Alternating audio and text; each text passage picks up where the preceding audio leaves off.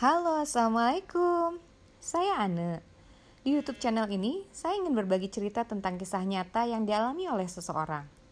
Di mana dalam ceritanya mengandung keajaiban yang Allah berikan untuk dirinya, bahkan mungkin bagi kita semua. Dengan harapan cerita ini dapat menginspirasi bagi kita semua untuk selalu berbuat baik, kapan dan di mana pun kita berada. Yuk, kita simak ceritanya.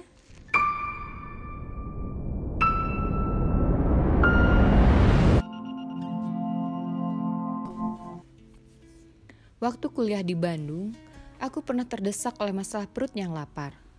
Tapi kiriman masih juga belum datang. Kiriman dari orang tua yang seharusnya cukup sebenarnya. Tapi karena manajemen yang buruk, akhirnya ludes juga sebelum waktunya. Subuh itu aku sholat sangat husu. Padahal biasanya kesiangan atau malah bolong. Saat itu aku berdoa dengan cara menagih. Aku pikir kalau Tuhan itu maha besar, Masa sih nggak sanggup membayar tagihan yang remeh-temeh ini? Gengsi dong. Dan yang aku sebut menagih adalah mengungkit-ungkit peristiwa belasan tahun yang silam. Tuhan, engkau pasti ingat waktu ibuku masih ngajar SD. Ibuku mendapati seorang muridnya yang sering pingsan karena perutnya yang kosong. Sejak itu, ibuku menyuruh anak itu tiap pagi sarapan di rumahku sebelum berangkat ke sekolah kalau itu kebaikan, paling tepat buat Sekaranglah engkau saat yang membalasnya. Kalau kau ingin aku lebih beriman, sekaranglah kesempatannya yang terbaik Tuhan. Aku merasa Tuhan sudah terpojok dengan doaku. Maka siangnya aku pun melangkah dengan tenang ke warteg terdekat untuk menyambut balasan Tuhan. Aku pesan nasi porsi lebih disiram kuah gratisan dan lauknya keripik tempe. Saat itu semuanya berjalan sangat biasa. Tak ada tanda-tanda bakal terjadi sesuatu yang dramatis seperti di sinetron-sinetron. Keringat dingin mulai menetes. Kulihat wajah-wajah di dekatku. Semuanya sedang lahap.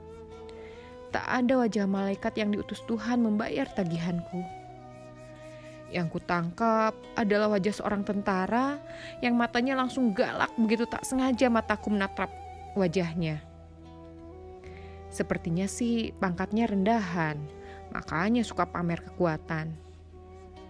Dia sampai mendekatkan duduknya ke arahku. Dia menanyaiku dengan suaranya yang dipaksakan berat dan menakutkan. Heh, orang mana kamu? Gertaknya. Untuk menyebut kota asalku Pemalang, pasti banyak yang tidak tahu. Pemalang itu kota kecil yang sangat biasa dan tidak punya apa-apa untuk dikenal. Maka aku jawab asal aja. Jawa Tengah. Jawa Tengah? Kota mana? Kejarnya lagi. Kabupaten Pemalang. Jawabku gemetar. Kecamatan? Buset deh, dia masih ngejar lagi. Kecamatan Petarukan, jawabku tambah bingung. Desanya mana? Tanyanya lagi lebih meneror. Desa Serang, jawabku pasrah. Mendengar nama desaku, dia menatap mataku menyelidik. Lalu matanya berpindah melihat ke piringku. Sehembusan nafas, ia bangkit meninggalkanku. Aku lega tak terjadi apa-apa. Aku tak berani melirik-lirik dia nanti. Dalam hati, Aku ngedumel. Tuhan, kalau tak mau ngutus malaikat, jangan ngutus setan lah. Biasa aja dong. Brak. Asem. Tentara itu lagi duduk di sebelahku. Tapi oke okay lah, wajahnya mulai melunak. Hus, kowe serangnya ngendi? Anaknya sopo? Tanya dia dengan suara yang kontras dengan sebelumnya. Lembut dan nyeduluri. Bahkan kini dia ngomong Jawa ngapak semedok-medoknya. Kawan, kalau kau sebatang kara di rantau, maka ketemu orang yang sebahasa denganmu itu rasanya kaya lebaran. Aku seperti pulang dengan mendengarkan tetanggaku yang sedang berisik sambil cari kutu. Aku seperti terdampar ke suasana pagi di sontrei penyiar radio dangdut yang medok. Aku bahkan seperti mencium bau pesing tanah bekas anak-anak kampungku yang kencing.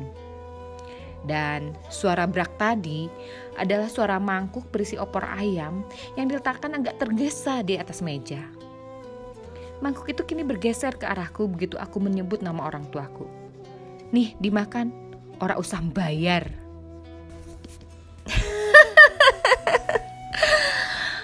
aku seperti mendengar malaikat tertawa-tawa.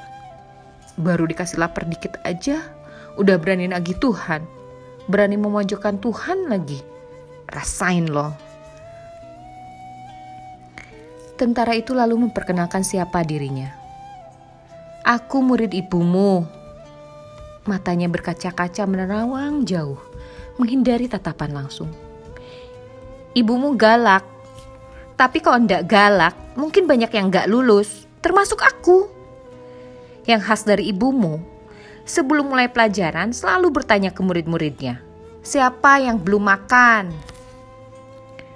Aku salah satu murid yang selalu kelaparan kalau sekolah. Untung ada ibumu. Dia tidak kuat juga. Akhirnya menyekak matanya. Warteg ini punyaku. Usaha sampingan kecil-kecilan. Kalau kamu lapar, makanlah di sini. Tidak usah sungkan. Anggaplah aku kepanjangan tangan ibumu.